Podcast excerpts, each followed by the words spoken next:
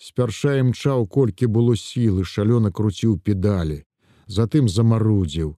Усё ж за мной не гналіся, Мабыць, можна было і спакайней. Сустрэчныя аўтамабілі ў асноўным шыбавалі па сваім баку і дужа не заміналі. Толькі аднойчы на павароце я ледзьве раз'ехаўся з шалёным доджам.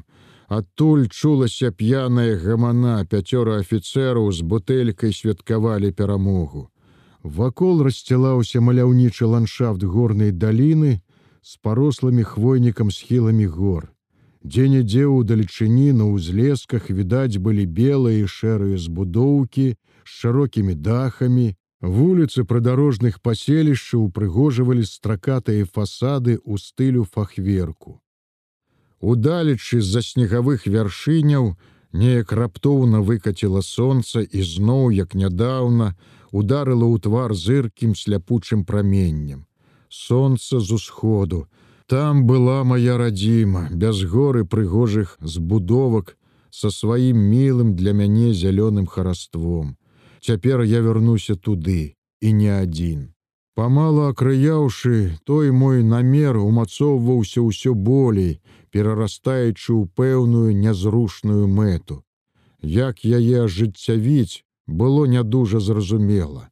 Але мэта аформілася і ўсё болей прарастала ў свядомасць, рабілася неадчэпнай. Адчуваў, адкладваць нельга, задуманное трэба ажыццяўляць зараз жа. Да і чаму не? Вайна ж скончылася. Мне было крыху за два. І я яшчэ не спазнаў кахання. Не было калі, не было каго пакахаць. Неяк у шпіталі пад знаменкай дужа спадабалася медсестра Нюра з фізкабінета. У яе развівалі недалечаныя руки ногі, круцілі веласіпед, сціскалі нейкія спружыністыя раскарэкі. Аднойчы я з ёй пасядзеў на дзяжурстве, пагаварылі, дужа яна здалася мне ласкавай. Яна і сапраўды была ласкавая, ды на бяду не да мяне аднаго. Неяк яна дала мне рапіру і прапанавала пафехтаваць з ёй. Фехтавальшчык я аказаўся неўдалы, яна лёгка і не раз укалола мяне але з таго фехтавання я, здаецца, гатовы быў пакахаць яе. Пакуль не ўбачыў, як яна фехтуе з параненым у галаву капітанам лётчыкам. Мабыць, той быў спрытнейшы за мяне ва ўсіх адносінах, і як ён выпісаўся, сястрычка паехала з ім са шпіталя у авіяцыйны полк. Я ж яшчэ застаўся далечваць маю прастрэленую руку. Нюра была ладная спартовая дзеўка, у тым уся справа. Я прамінуў яшчэ адзін невялікі гарадок у даліне, кубку белых і шэрых дамкоў катэджаў. У вокнах і на балконах матляліся на ветры белыя просціны. Людзей, аднак, было відаць малавата. У дварах і на ўзбочынах дзе-нідзе стаялі нашы вайсковыя аўтамабілі, ля іх варушыліся снавалі вайскоўцы, тут ужо ўладкоўваліся тылы. Мяне ніхто не спыніў ні разу, не запытаў, куды еду. Што значыць канец вайне? Калі яна доўжылася хоць тут за мяжой ці на нашай зямлі у тыл за два-тры кіламетры ад фронту паткнуцца было немагчыма. Скрозь заслоны, шлагбаумы, кантролі, праверка. Нават параненым трэба было мець дакумент, картку перадавога раёна. Крывавая рана яшчэ нічога не значыла, а цяпер, хаця ўсё зразумела, вайна ж скончылася. Вось нарэшце і той наш гарадок. Ушчэнт разбітаю вуліцай ён узнік з-за павароту. Я пераехаў лінію нямецкіх акопаў пасля сваіх, знаёмая вуліца, як і учора была густа закідана ўжо расстручаным коламі друзам кавалкамі чарапіцы патыхала гаркатой недагарэлых пажарышчаў. Гэтаму не пашэнціла напаследак, не ўбярогся, як уберагліся тыя, што ад яго на захад. Лёс гарадоў, мабыць, як і лёс людзей асабліва ў вайну. Але шчасце, што ацалеў знаёмы зарэчны катэдж, з-за разбітага дома на рагу я адразу ўбачыў яго пад гарой, і сэрца маё радасна залескатала ў грудзях. Аднак штось мяне трывожна штурхнула знутры, як я згледзеў з мастка на паўрашчыненыя дзверцы брамкі. Заўжды яны былі зачынены, і я пералазіў цераз іх зверху.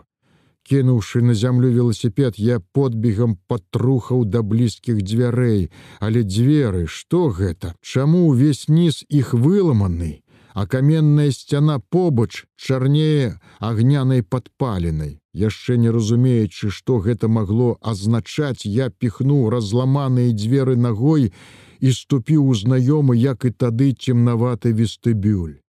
І адразу ўбачыў яе. Яе маленькае быў падлетка цела, знерухоміла на слізкіх плітках падлогі, якраз на сярэдзіне вестыбюля, дзе учора стаяў круглы столік. З усёй вопраткі на ёй засталася толькі разадраная на грудях кофтачка. Кароткія русявыя валасы размяталіся вакол закінутай на падлогу галавы. На востренькім падбародку сцёк і запёкся струменчык сукравіцы. Шырока расплюшчаныя вочы невідушчы глядзелі ў змрок высокага падстолля. Я не дакрануўся да яе, толькі апусціўся побач на кукішкі і сядзеў, так глядзеў, аглядаў яе мёртвы тварак і не ведаў, што мне рабіць, плакаць ці можа крычаць. Дужа карцела выці крычаць, але хто мог пачуць мой крык, зразумець адзічэлы мой боль, страшэнную несправядлівасць гэтай пагібелі. Вайны ці жыцця наогул, Калі надышло нейкае адхланне, я ўстаў і ўпершыню азірнуўся наўкола. У вестыбюлі панаваў разгром. Усе дзверцы шафы былі расчыненыя, вакол на падлозе валяліся кнігі. Лёгкія зэдлікі ляжалі ў розных месцах вестыбюля, століка чамусьці нідзе не было відаць. Два скураныя крэслы, што стаялі каля сцяны, былі сунуты са сваіх месцаў, з іх парэзаных сядзенняў тырчэў віты дрот з пружын. Марудна адыходзячы ад раптоўнай прастрацыі я зазірнуў праз расчыненыя дзверы на кухню, дзе таксама ўсё было параскідана, посуд пабіты, мэбля перакулена. У наступным, болей прасторным памяшканні, мабыць, была сталовая з даўгім сталом пасярэдзіне і цёмнымі карцінамі на сценах пустая аздобленная золотой лепкая рама ляжала на столе, крэслы былі павалены і бязладна валяліся па ўсім памяшканні. Але наступных дзвярэй з-за стола вытыркаліся на паркеце доўгія ногі у чорных з цёмна-сінімі лампасамі штанах. Доктор шарф быў застрэлены ў галаву, і лужынка крыві расцякалася ад яго да дзвярэй. Я прыадчыніў тыя дзверы і адчуў перашкоду, далей якой яны не адлучаліся. Прашчэліну, аднак стала відаць у доле беленькая быдзьмухаўка галоўка фрау сабіны. Яна таксама была нежывая. Я хадзіў пасярод гэтага дзікунскага разгрому, перабіраў невідушчым позіркам раскіданыя патаптаныя папсаваныя рэчы, вопратку мэблю, і не разумеў нічога. Я быў панішчаны, здзіўлены і збянтэжаны. Хто гэта ўчыніў? За што? Скончылася ж вайна, як жа так? Ці гэта помста? Ці рабаўніцтва? Ці можа палітыка? Зноў выйшаў у вестыбюль. Абыякавая да ўсяго франя ціхенька ляжала на ранейшым месцы. Дык вось як ёй наканавана скончыць жыццё і калі напрыканцы вайны, на парозе міру, калі ў мяне толькі нарадзілася спадзяванка на тое жыццё, і ёй менавіта ў такі час суджана было памерці у свае 18 год. Я роўненька склаў уздоўж цела яе маленькія руки, самкнуў разам яе голыя скрываўленыя ногі, Нелюдзі і гады, гады і нелюдзі, хто б яны не былі нашыя ці немцы, бальшавікі ці фашысты, Чаму не разверзнецца зямля не праглыне іх. Я падняў побач скамячаны квяцісты абрус са століка, і роўненька накрыў ім франю. Але што было рабіць далей? Дужа пакутна было пазіраць на гэты разгромны верхал, бачыць нерухомыя скрываўленыя целы. За вайну я нямала нагледзеўся на забітых, расшкуматаных снарадамі людзей, сваіх і немцаў, але то былі мужчыны і салдаты. Тут жа маленькае юнае дзяўчо, маё нечаканае каханне. Мне патрэбна была дапамога, хоць бы якое душэўнае апірышча. Калі побач былі сябры ці хоць бы мае хлопцы з узвода, але іх не было і што я мог адзін. Ісці на дарогу, дзе сноў далі аўтамабілі невядомых вайсковых часцей, прасіць афіцэраў, хто з іх зразумеў бы мяне. Што-небудзь тлумачыць я не меў сілы. Ды і каму тут справа да гэтай трагедыі у багатым катэджы, з гэтымі аўстрыякамі ды іхняй служанкай. Мясцовыя ўлады, дзе мне шукаць іх? Ды і ці ёсць яны тут у гэтым разбітым учора яшчэ фронтавым гарадку. Мабыць, тут панавала бязладдзя, і гэтая трагедыя найпершы вынік менавіта таго бязладдзя. Можа, трэба было ехаць у полк, але полк быў далёка, і я не мог пакінуць тут франю, ды і гэтых няшчасных яе старых. Мабыць, трэба было даць ім якое рады, апошняй на гэтай зямлі. Не ведаеш яшчэ пэўна, па што я пабрыў у гарадок.